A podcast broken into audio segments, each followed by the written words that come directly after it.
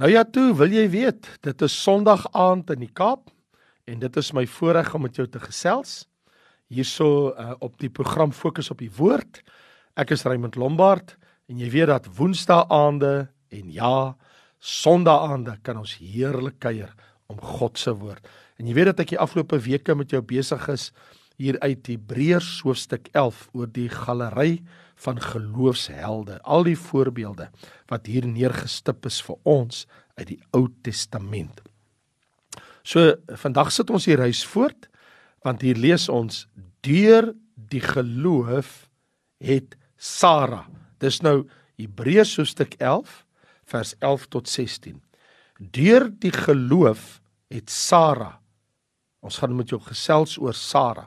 Deur die geloof het Sara self ook krag ontvang om bevrug te word. En toe sy oor die leeftyd was, het sy gebaar omdat sy hom getrou geag het wat dit beloof het. Daarom is daar ook gebore uit een vader en dit is 'n verstorwene kinders soos die sterre van die hemel in menigte en soos die sand aan die strand van die see wat ontelbaar is. In die geloof het hulle almal gesterwe sonder om die beloftes te verkry.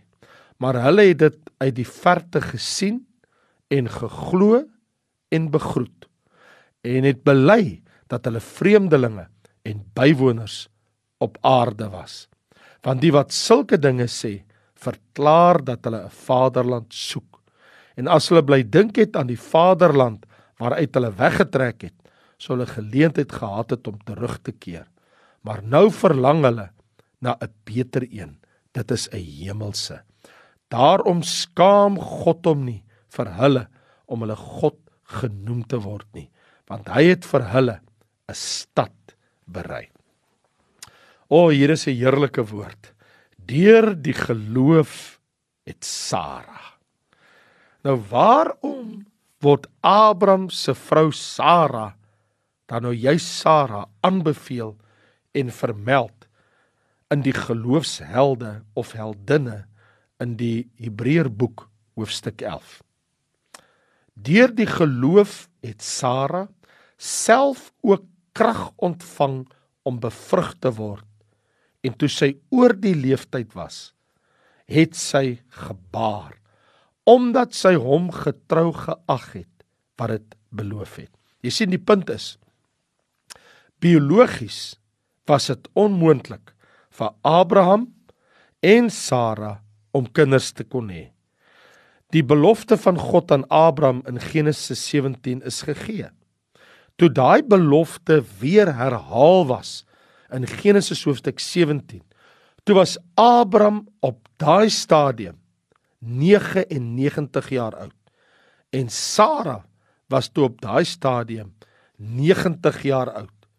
En as jy gaan kyk daar in die boek Genesis, dan ontdek jy dat oor hierdie twee mense, hierdie twee ou mense, staan daar ook dan nou in Genesis hoofstuk 18 vers 11. Maar Abraham en Sara was oud, ver op hulle dae. Dit het met Sara nie meer volgens die reël van die vroue gegaan nie. So hulle is oor hulle tyd.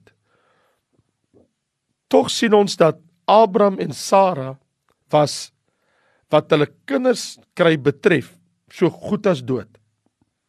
Ek bedoel Romeine hoofstuk 4 wanneer die Here vir ons vertel oor Sara se man Abraham.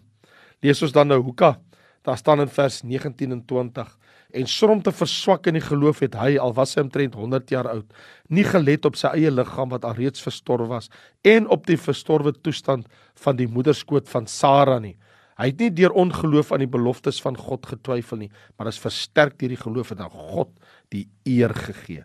Jy sien, Sara het geweet van wat God aan haar man Abraham gesê het, want hy het dit vir haar vertel daar in Genesis 15 dat hy aan hom uh, 'n seun sal gee uit Abraham en uit Sara en dit het natuurlik nou 'n baie lang tydperk nou nie gebeur nie. So ten tye al reeds van hierdie gebeure in Genesis 15 ook later in 17 is hulle twee ou mense in die middel van nêrens iewers in 'n vreemde land die land Kanaan met 'n klompie skape in 'n boedien tent. Hulle het net 'n klein geselskap. Dit lyk maar bitter min soos 'n groot nasie, allermins 'n groot volk.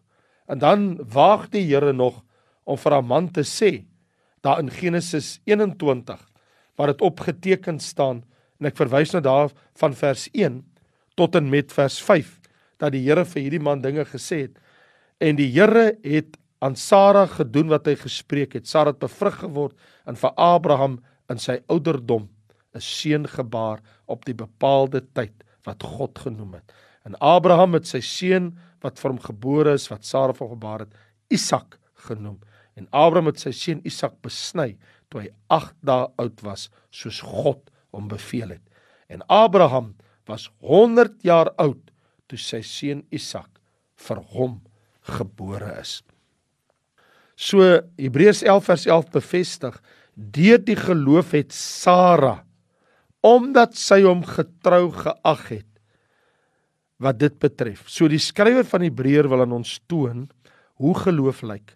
Geloof is soos wanneer 'n 99 jarige ou man en sy 90 jarige vrou glo dat God sal doen wat hy beloof het selfs wanneer die vervulling van daardie belofte wat aan hulle gemaak is onmoontlik blyk te wees teen alle menslike rede. So kom ons kyk na Sara. Die vrou wat geword het die moeder van nasies in die besonder die volk Israel.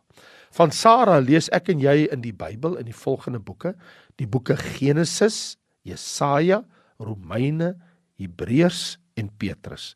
So daar's 5 boeke in die Bybel waar ons van Sara lees. Sara, die vrou van Abraham, die aardsvader, wie se naam God verander het, want God het vir Abraham gesê dat Sara sal genoem word Sarai. Dit is prinses. So Sarai beteken prinses. Net soos wat Abraham se naam verander is na Abraham, is Sara se naam verander na Sarai wat beteken prinses.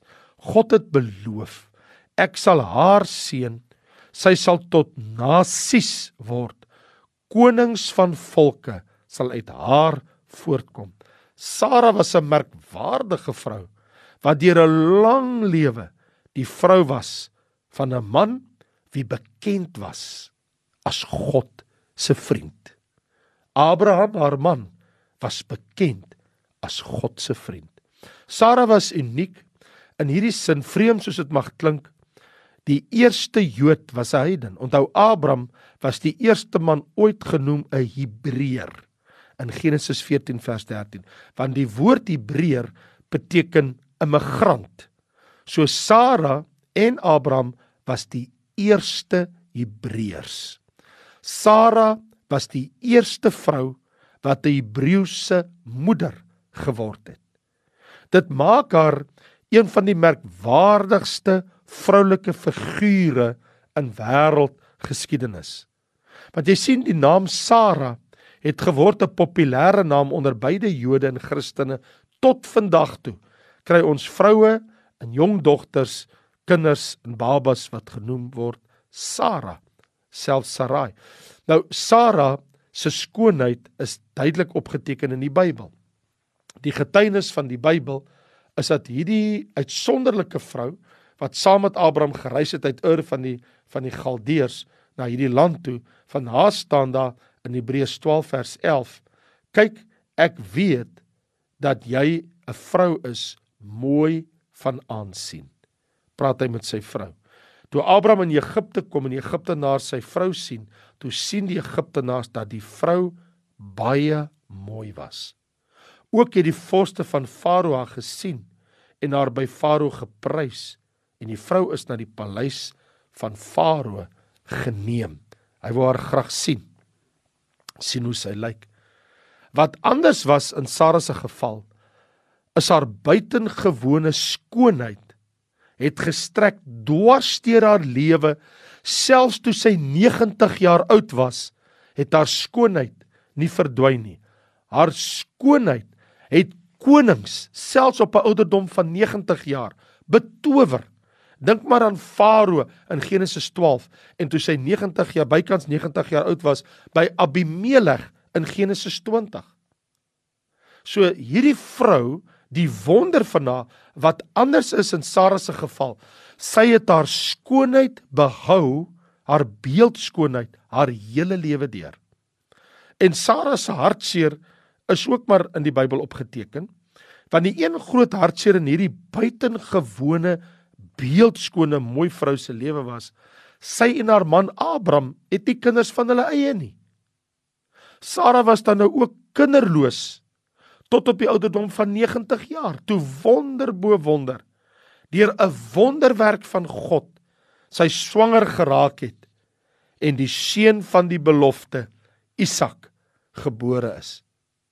Die een groot fout wat hierdie vrou Sara gemaak het is die rede is hoekom sy die fout ook gemaak het toe sy geen kinders van haar eie gehad het nie en sy moedeloos geword het het sy haarself aan Hagar aan Abraham gegee. Nou alhoewel dit 'n gewoonte was in daardie tyd in wêreldgeskiedenis as 'n vrou nie kinders kon baar nie, dan gee sy 'n byvrou aan haar man dat haar man ten minste erfgenaam kan hê. Maar Sara behoort van beter te geweet het. Haar man Abraham, 'n Godvreesende man, moes eerder na God se stem geluister het as wat hy na Sara, na sy vrou se stem geluister het. Want dit het tot 'n vreeslike ding tot gevolg gehad. Want in Genesis hoofstuk 16 lees ons: "Maar Sarai, die vrou van Abraham, het vir hom geen kinders gebaar nie. En sy het 'n Egiptiese slavin gehad met die naam van Hagar. En Sarai het vir Abraham gesê: "Jy weet, die Here het my nie toegelaat om moeder te word nie. Gaan tog in by my slavin, miskien sal ek uit haar gebou word." En Abraham het na Sarai geluister. Toe neem Sarai, die vrou van Abraham, Hagar die Egiptiese slavin nadat Abraham 10 jaar in die land Kanaan gewoon het en gee haar aan haar man Abraham om sy vrou te wees. En ons weet mos dat sy het vir hom gebaar Ismael. Jy sien, Sara het ingegryp in God se plan vir hulle lewe en sy het haar eie pad gekies. Dit sou later baie trane bring met Hagar en Ismael in haar lewe. En dit is waar dat God in sy liefdevolle genade jare na hierdie episode verskyn het aan Abraham, na hierdie insident en God verseker Abraham dat God het nie sy belofte aan sy kind Abraham vergeet nie. Sara wat nou 90 jaar oud geword het, sy gaan nou self ontvang en sy gaan 'n seun baar vir Abraham. So in Genesis hoofstuk 21 lees ons daarvan vers 1 tot 5. Die Here het Sara besoek soos hy beloof het. En die Here het aan Sara gedoen soos hy gespreek het. Sara het bevrug geword en vir Abraham in sy ouderdom 'n seun gebaar op die bepaalde tyd wat God genoem het. En Abraham het sy seun wat vir hom gebore is, wat Sara vir hom gebaar het, Isak genoem. So en hy was 100 jaar oud toe sy seun Isak vir hom gebore is. Isak, die seentjie gebore, se naam is lag, want Isak beteken lag. En hier in Hebreërs hoofstuk 11 lees ons: Deur die geloof het Sara self ook krag ontvang om bevrug te word. En uit haar is gebore uh, uit een vader en uit haar 'n verstorwene kinders soos die sterre van die hemel in menigte soos die sand aan die strand van die see wat ontelbaar is. So ja, Sara, haar lang lewe en ouderdom staan vir ons opgeteken in die Bybel. Sara is die enigste vrou in die Bybel wat se spesifieke ouderdom vermeld word. Is dit die rede hoekom 'n mensie gewoonlik vir 'n vrou vra hoe oud is jy nie? Ek wonder maar net Ons het net een vrou in die Bybel se ouderdom en dit is Sara, geen ander vrou nie. Sara noem haarself op ek praat nou van die ouderdom uh, op 89, né? 90 jaar oud toe Isak gebore is. Sy sterwe Genesis 23 vers 1 sê selfs so oud sy was toe sy gesterf het. Sy sterwe op 'n ouderdom van 127 jaar. Sy word oud 127 jaar oud en haar lewensreis op die aarde is toe voltooi. Maar terug hier na Hebreërs 11. Die onderwerp van die gelowiges wat hulle geloofsreis voltooi het. Abel, Henog, Noag, Abraham, Sara leer ons elkeen van hulle moes eers 'n geloofslewe gelei het. Luister. 'n Geloofslewe lei tot 'n geloofseinde. Paulus sê mos in 2 Timoteus, ek het die geloof behou, vir my die einde aangebreek, ek het my stryd volëindig, ek het die geloof behou. Die geloof van almal wat gesterf het in geloof. Waarlik waar. In hom kan ons ons geloof vestig. En die Hebreërs skrywer, hy beskryf nou al die geloofshelde en heldinne se reis van geloof in terme van 'n pelgrimsreis na 'n stad. Hy sê, deur die geloof Hebreërs 11 vers 13, waar hy nou van Sara praat, het almal gesterwe sonder om die beloftes te verkry, maar het in die verte gesien, geglo en begroet en bely dat hulle vreemdelinge en bywoners op die aarde was. Want die wat sulke dinge sê, verklaar dat hulle 'n vaderland soek. So die konteks van die geloofshelde is almal van hulle was op reis na die ewigheid, net soos die aardsvaders naderhand kon sien dat die stad van ver af in die geloofsoog maar hulle weet hulle gaan nie hierdie stad 'n leeftyd haal nie. Steeds het hulle verklaar dat hulle onderweg is na 'n beter vaderland. Jy weet dit laat my dink aan 1 Petrus 2 vers 11 waar hy sê: Geliefdes, ek vermaan julle as bywoners en vreemdelinge om julle te onthou van vreeslike begeertes op die aarde. Wat hy nou hier doen is, hy verwys ons hierso dat uh, ja, ons is vreemdelinge en bywoners. In Filippense 3 vers 20 sê dat ons wat op hom wag, daar wag vir ons iets heerliks, goddeliks en wonderliks wat hier staan, want ons burgerskap is in die hemele van waar ons as verlosser verwag, die Here Jesus Christus. So vriende, die aardsvaders het uitgekyk Hebreërs 11 vers 10 na 'n beter vaderland. Hebreërs 11 vers 16 'n beter stad. So is dit met al ons vriende as pelgrims, reisigers en Christen gelowiges. Jy weet met die draai van die 19de eeu het die sendeling Henry Morrison in New York teruggekeer na 40 jaar in die sendingveld in Afrika. Maar op dieselfde skip was die Amerikaanse president op daai moment, Theodore Roosevelt. En toe die skip die hawe van New York binnevaar, was daar 'n groot orkes en 'n skare mense wat hom verwelkom. Maar niemand was daar om Morrison te verwelkom nie. En Morrison voel so teleurgesteld. Hy het na alles 40 jaar van sy lewe gegee in diens van sy meester. En hier is staan nie eers een persoon om hom te verwelkom. Toe hoor Morrison die sagte stem van die Here wat met hom praat. En die Here se stem sê vir hom: "Henry, jy het nog nie tuis gearriveer nie. Jy sien die hemel wag vir alle Christen gelowiges. Vir elke Christen gelowige pelgrims reisiger.